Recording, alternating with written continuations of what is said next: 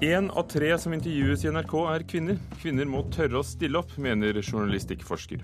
Menneskerettighetsorganisasjonen hevder Aserbajdsjan tvangsflytter folk før Melodi Grand Prix, og ønsker at arrangørene skal legge press på myndighetene, men det vil ikke de europeiske kringkasterne. Og den nye norske krigsfilmen 'Into the White' er god, men ikke så god at den tar pusten fra vår anmelder.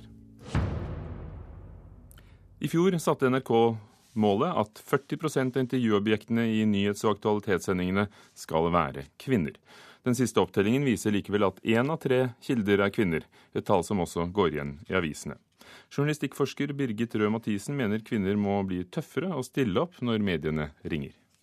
Jeg har jobba som journalist sjøl og opplevd at kvinnfolk eh, sier oftere nei og tar mer forbehold og er mer sånn at man skal være helt sikker og være trygg på at man er kompetent nok og kan saken godt nok. Så da tror jeg jo damer som blir oppringt, må være tøffe og tørre å si ja og stille, og stille opp.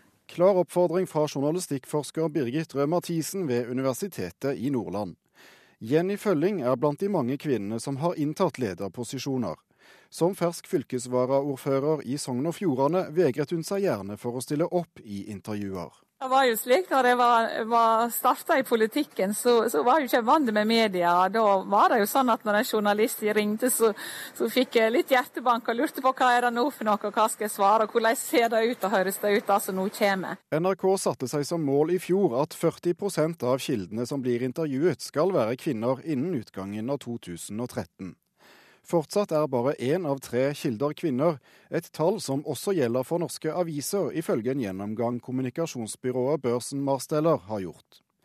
Men NRKs distriktssendinger på Østlandet skiller seg ut, og har allerede nådd 39% kvinneandel på intervjuobjektene sine. Medlem i Kringkastingsrådet og tidligere stortingsrepresentant for SV, Mai Hansen, mener det er på høy tid at NRK skjerper seg på kvinnefronten. Når jeg da ser at man i debattprogrammet til og med har greid å kjøre helt rene mannspanel, eh, så blir jeg veldig provosert. Det er alvorlig. Det er eh, rikskanalen vår. Kjønnsforsker Ingrid Gullvik ved Høgskolen i Lillehammer mener holdninger hos journalistene kan skremme bort kvinnelige kilder. Mediefolk er veldig opptatt av hvordan de kvinnelige politikerne ser ut, hva de har på seg, hvordan de er på håret. Og så får de spørsmål om ja, hvordan uh, greier du å kombinere politikerrollen med å ha familie. De, de får sånne spørsmål som menn sjelden får. Sjøl om menn òg har familie og barn å ta seg av. Fylkesvaraordfører Jenny Følling tror kvinneandelen i mediene henger sammen med hvor mange kvinner som har lederposisjoner i samfunnet. Der er ofte menn, enten det er rådmenn eller mange ordførere eller næringslivsledere.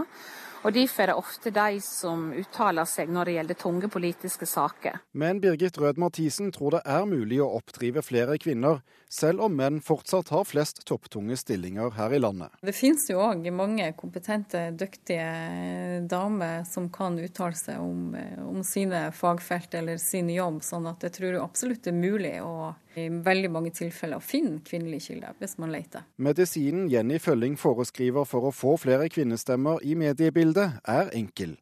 Ta sjansen. Jeg bare oppmoder dem om å stille opp. Og da, om noe skulle komme litt kjeft ut en dag, så er det glemt neste dag. Det meste går an å rette opp igjen. Betryggende fra fylkesvaraordfører i Sogn og Fjordane, Jenny Følling, og vår reporter var Thomas Alverstein Ove. Grete Gunhild Johnsen, direktør i distriktsdivisjonen i NRK. Er du fornøyd med at én av tre kilder i NRKs kanaler er kvinner? Nei, altså fornøyd og fornøyd kan man jo ikke være helt og fullt da. men jeg er i hvert fall fornøyd med at vi er på oppadstigende kurve. Nå er det jo sånn at Halvparten av befolkninga i dette landet er kvinner, og det er jo ikke noe grunn til at det ikke bør være halvparten av kildene i eh, våre sendinger, både på radio og på TV. Og så har vi sagt at vi skal oppnå 40% ved utgangen av 2013, så jeg er fornøyd med at mange nærmer seg 40% allerede nå. Og jeg ser jo på distriktskontorene, der er eh, både Hedmark, Oppland, Østafjelst og Østlandssendingen oppe i snart 40-39% Hva gjør de som lykkes med å nå dette målet, tror du? Eh, jeg er helt sikker, Etter å ha jobba med dette i mange år, både som ung journalist og som mellomleder, så er jeg helt sikker på at dette er ikke mulig å oppnå før vi har ledere som er veldig fokusert på det. Det gjelder både i NRK, men det vil også gjelde i organisasjoner og bedrifter. Og vi har hatt et prosjekt gående over lengre tid, faktisk, i Hedmark Oppland. Der hadde de 40% kilder i sine sendinger allerede ved utgangen av april i fjor. Og eh, så har de andre kobla seg på, og det er blitt et eh, prosjekt for hele bedriften, selvfølgelig. Men, men hva går det ut på, et sånt prosjekt? Altså, de fleste avis- og radio-TV-redaksjoner ønsker jo flere og varierte kilder i sine sendinger. Det være seg kvinner, det er flerkulturelle, det er yngre. Alle har den type mål. Og så har vi arkiv gjennom årrekker hvor de samme personene ofte går igjen. Og det er ingen tvil om at det er vanskeligere å få kvinner til å stille opp enn menn. Eh, jeg har sjøl vært i den situasjonen at jeg gjerne vil være 140% sikker på det jeg skal uttale meg om, før jeg i det hele tatt eh, tør å åpne munnen. Og sånn er det dessverre med litt for mange kvinner. Det er utrolig mye dyktige damer og kilder der ute som ikke synes i mediebildet. Og så kan ikke vi eh, sette oss til ro eller hvile oss ved at de sier at nei, vi vil ikke, kan du ikke heller intervjue mellomlederen min som er mann og kan dette bedre enn meg? Men i en hektisk hverdag så blir det ofte en utfordring for folk som skal skaffe deltakere til debatter eller til nyhetssendinger som løpende nyhetsbilder skjer jo fort, da. Hvis NRK skal speile samfunnet som, eh, som NRK skal, så er det jo sånn at kjønn er, er, er, lett å få øye på som en forskjell. Men som du var inne på, det finnes jo mange andre forskjeller òg. Alder, geografi, etnisitet, eh, økonomisk og, og, samfunnsmessig bakgrunn. Hvorfor ha akkurat et konkret mål på kjønnsbalansen, men ikke alle disse andre faktorene? Det kan godt hende at vi skal lage ekstra prosjekt på disse andre faktorene også, men akkurat nå så har vi valgt å ta ordentlig grep om et mål vi har hatt i mange år. NRK har ønska i mange år å ha 40% kvinner, minst. Jeg mener, halvparten av befolkninga. Hvorfor skulle det ikke være 50% Det er jo vår jobb, som du sier, å, å, speile hele landet. Og det er vår jobb å Det er en del av samfunnsoppgaven vår å sørge for at både kvinner og menn kommer til orde. Jeg husker jo når jeg vokste opp, så var jo det vanlige var jo at det var en hvit, middelaldrende mann med slips som var ekspert i enhver sammenheng. Men hvis vi nå får hvite middelaldrende menn i sånn smart drakt, da, er det noe bedre? Kvinner, altså? Jeg tror ikke jeg velger å se på kvinner på det viset der. Jeg velger å se på kvinner som dyktige damer som kan være gode kilder i våre sendinger, og som dessverre er for mange av som ikke synes. Det har vi satt fokus på, og det akter vi å lykkes med. Takk skal du ha, Grete, Grete Gunhild Johnsen, direktør i distriktsdivisjonen her i NRK.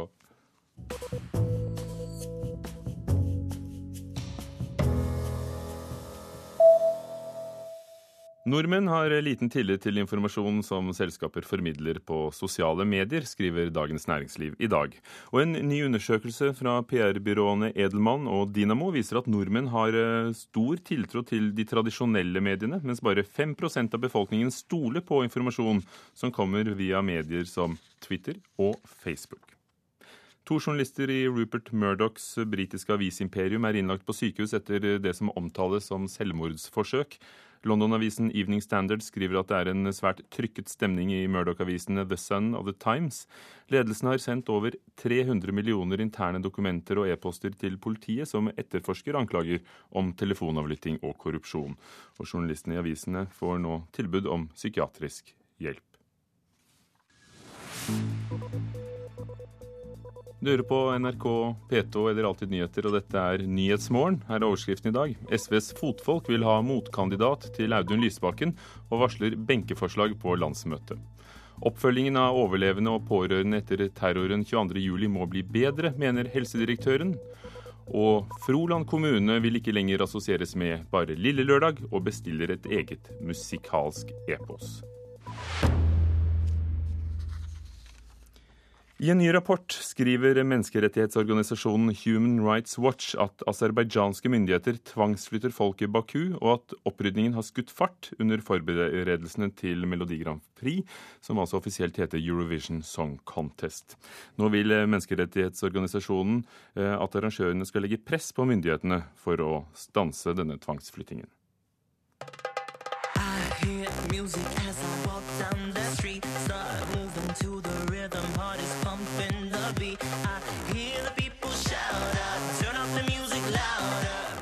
louder. Keshtkar er Norges bidrag til årets Eurovision Song Contest med låta 'Stay'. I mai drar han til Aserbajdsjan, et land menneskerettighetsorganisasjonen Human Rights Watch gjentatte ganger har kritisert for brudd på menneskerettighetene. I en fersk rapport uttrykker Human Rights Watch bekymring over at myndighetene i Aserbajdsjan kaster folk ut av husene sine.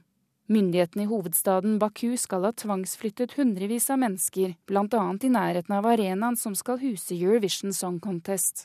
Ifølge Human Rights Watch har et tjuetalls hus bare noen hundre meter fra arenaen blitt ryddet i stor hast. Både farten og timingen antyder klart at det er en forbindelse med arrangementet, sier Hugh Williamson, som leder Human Rights Watch i Europa og Asia, til den danske avisa Politikken. Eurovision arrangeres av de europeiske kringkasterne, deriblant NRK. Nå vil Human Rights Watch at arrangørene legger press på myndighetene i Aserbajdsjan for å stoppe tvangsflyttingen. De mener arrangørene også må ta opp spørsmål om brudd på menneskerettighetene fortalte reporter Ida Kvittingen. Og Jon Olasand, du er sjef for EBU, Unionen av europeiske allmennkringkastere, som arrangerer Melodi Grand Prix. Hvorfor vil dere ikke ta opp dette med aserbajdsjanske myndigheter, slik Human Rights Watch eh, anmoder om? Vi er i dialog med aserbajdsjanske myndigheter ganske ofte. Og vi har jo spurt om spesielt det som gjelder områdene rundt eh, arenaen. Som, jeg har jo lest rapporten til Human Rights Watch, og det er helt opplagt at enkelte Eh, og ganske mange av de ekspropriasjonssakene som har pågått de siste årene, ikke har, eh, har, vært løst tilfredsstillende. Men det området rundt arenaen, eh, der hvor Eurovision Song Contest skal holde, er jo da nå under oppgradering pga. en ny ringvei som bygges gjennom og forbi Baku. og Det har vi fått bekreftet ganske godt. De er godt kjent med vårt syn i, i Aserbajdsjan, men vi ser ingen umiddelbar kobling mellom alle sakene som gjelder, eh, gjelder ekspropriasjonssaker eh, og Eurovision Song Contest.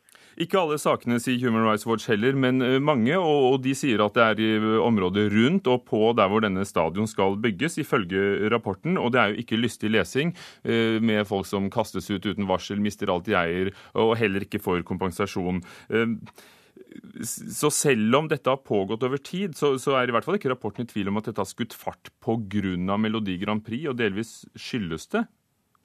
Ja, Vi har ikke sett noen klare eksempler på det. Jeg har også lest rapporten. Jeg, jeg, jeg, er ikke helt sikker på om jeg er enig i den konklusjonen, men, men, eh, men det har pågått som sagt over lang tid, og vi ser ingen kobling. og Vi har sjekket de sakene som gjelder området rundt arenaen. Og nå skal jeg også få påpeke at vi aldri har bedt om noen oppgradering av infrastruktur eller bygningsmasse i Baku, og vi har heller aldri bedt om en ny arena. Men som sagt, vi har sjekket de forholdene som gjelder områdene rundt der, og ikke funnet ut at det kan linkes direkte til Eurovision Song For det er jo EBU-medlemmene som arrangerer eh, konkurransen, akkurat som NRK gjorde da, da, Norge hadde vunnet. Det er jo ikke myndighetene som arrangerer konkurransen. Hva sier deres medlemsradio-TV-stasjon til dere? Nei, Vi bruker jo de veldig flittig som, som informasjonskilde og, og, og, får mye informasjon derfra. Vi får den informasjonen vi ber om. og du har helt rett i at Det er der vi har vår hovedkontakt. Men vi snakker selvfølgelig også om med myndighetspersoner, fordi Eurovision Song Contest som evenement eh, må eh, krever en stor involvering fra myndighetenes side. Akkurat som det var både i, i Oslo, Bærum og i Düsseldorf. Det er jo altså de europeiske kringkasterne som, som står for uh, Melodi Grand Prix. Men uh, er det ikke et paradoks der? For dette er jo en uh, morsom sangkonkurranse, og samtidig så er dette noen av de viktigste kildene til nyheter. Settes det nok kritisk søkelys på det landet der det arrangeres, fra de samme medlemmene? Ja, jeg har jo sett mange rapporter både fra NRK og fra de andre store TV-stasjonene i Europa og radiostasjonene som som jo har speilet den situasjonen som er i Aserbajdsjan, som jo er langt fra perfekt når det gjelder menneskerettigheter og, og, og, en del andre forhold. Og Det er jo det lyset som vi kan kaste over Aserbajdsjan, og som gjør at interessen for Aserbajdsjan blir større, og den type diskusjoner som vi har nå, kan komme opp. Og Det syns jo vi er bra. Jon Ola Sand, sjef for EBU, Union e av europeiske kringkastere. Takk skal du ha.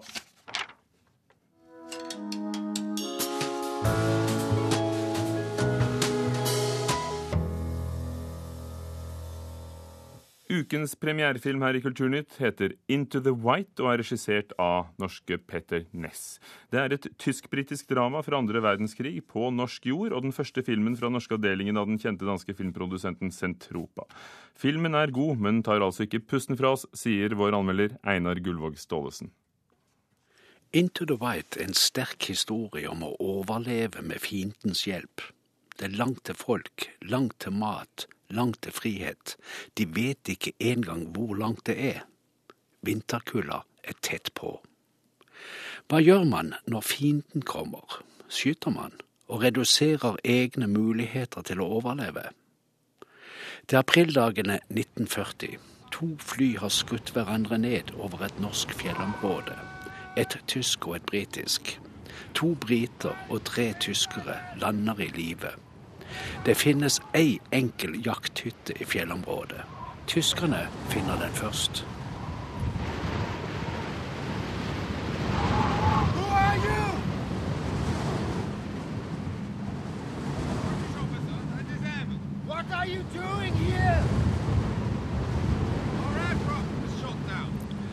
Vi opplever soldater som mennesker, eller vi opplever at det er god egennytte i å være human. Dessuten ser vi nyanser av britisk arroganse og tysk ordning. Det er personstudier i mange lag. Den mest sammensatte og interessante tyskeren spilles godt av Stig-Henrik Hoff. Han er lenge stum, fordi han så langt synes replikkvekslingene mellom de andre har vært uinteressante.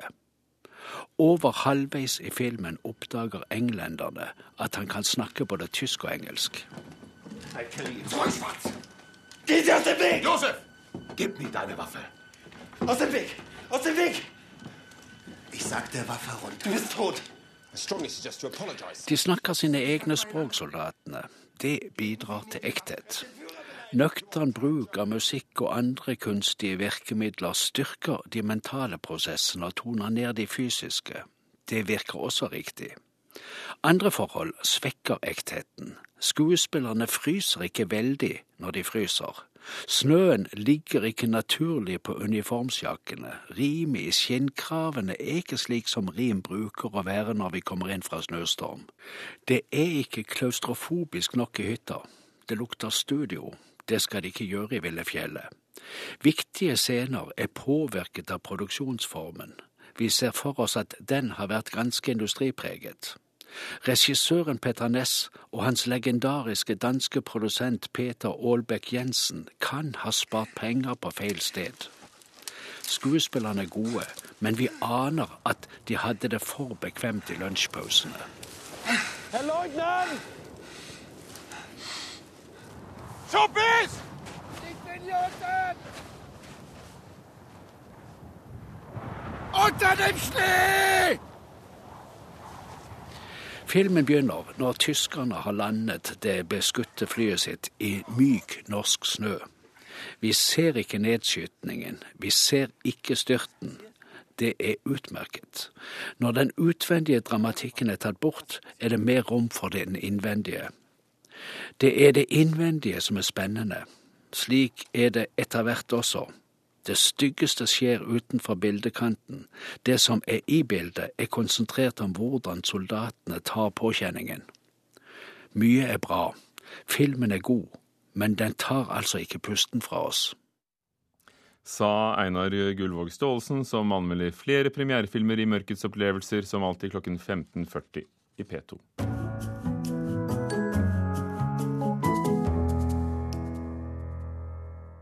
Den danske kulturministeren Uffe Elbæk kaster seg inn i personalstriden på Det kongelige teater i København og gir de ansatte to måneder på seg til å løse problemene.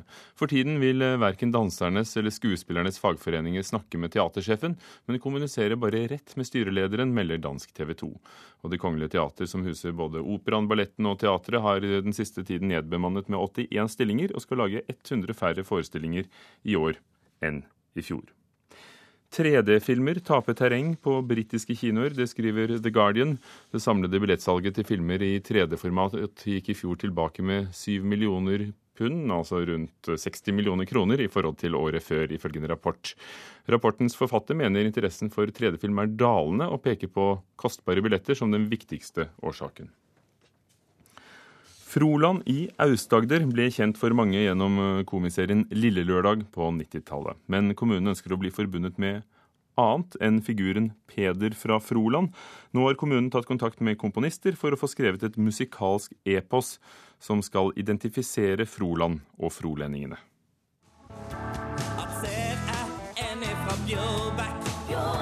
Så blir jeg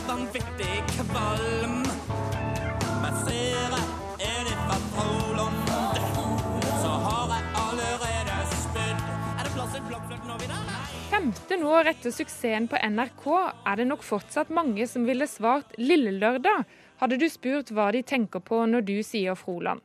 Men i Froland kjenner de seg ikke helt igjen i det bildet som ble skapt i den populære serien, sier kommunens kulturrådgiver Ole Tom Kjuslia. Nei.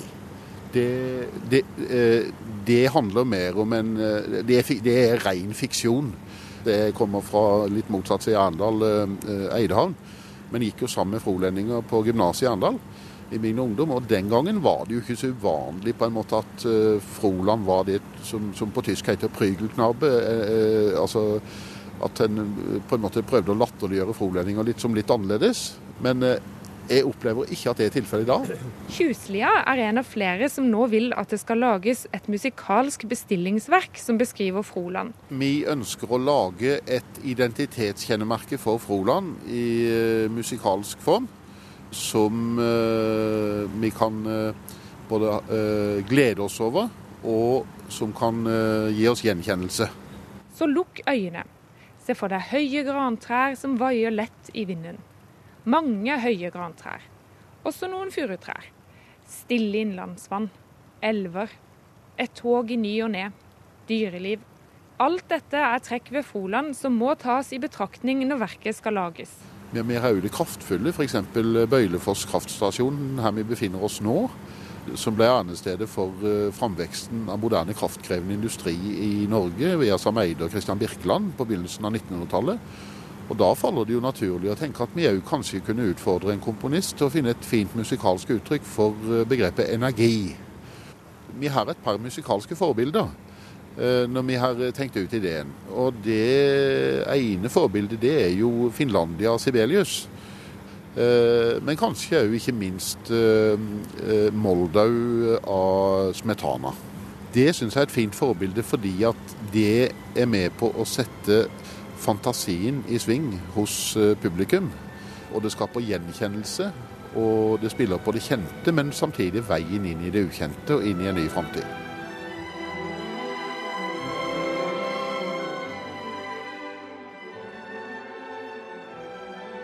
Frolandia er også navnet på Frolands nye kultur- og idrettsanlegg, og går nå alt etter planen skal bestillingsverket urframføres der høsten 2013. Senere skal verket, dersom finansieringa går i orden og kommunestyret går inn for det, brukes til å markere spesielle anledninger. Ordfører Sigmund Pedersen er positiv til planene. Jeg syns i utgangspunktet at ideen er god, og kan vi få noe som kjennetegner Froland i, i form av det herre, så er de velkommen. Ole Tom Kjuslia har vært i kontakt med en komponist som er positiv til å utvikle verket, men vil ennå ikke røpe noen navn. Kjuslias tanke er å ha klassisk musikk som rammeverk, med impulser fra både folkemusikk, country, ballader og visesanger. Vi må se hen til hva slags mentalitet som leves ut og befinner seg i folkesjela i Froland. Men uh, dette musikkstykket kan da være med på å endre også nordmenns uh, oppfatning av frolendingen? Ja, det her skal samtidig være et bidrag fra Froland til det totale musikalske mangfoldet i Norge som nasjon. Det vil formidle, tror jeg, musikkuttrykk som òg er av betydelig nasjonal karakter.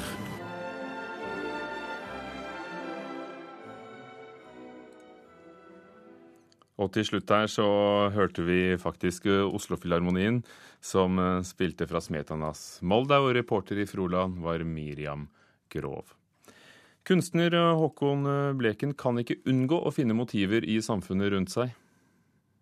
Det er motiver som, som jeg for, for så vidt har arbeidet med tidligere også. Så det har jo med, det har med samfunnet å Kulturtegninger særlig, ja.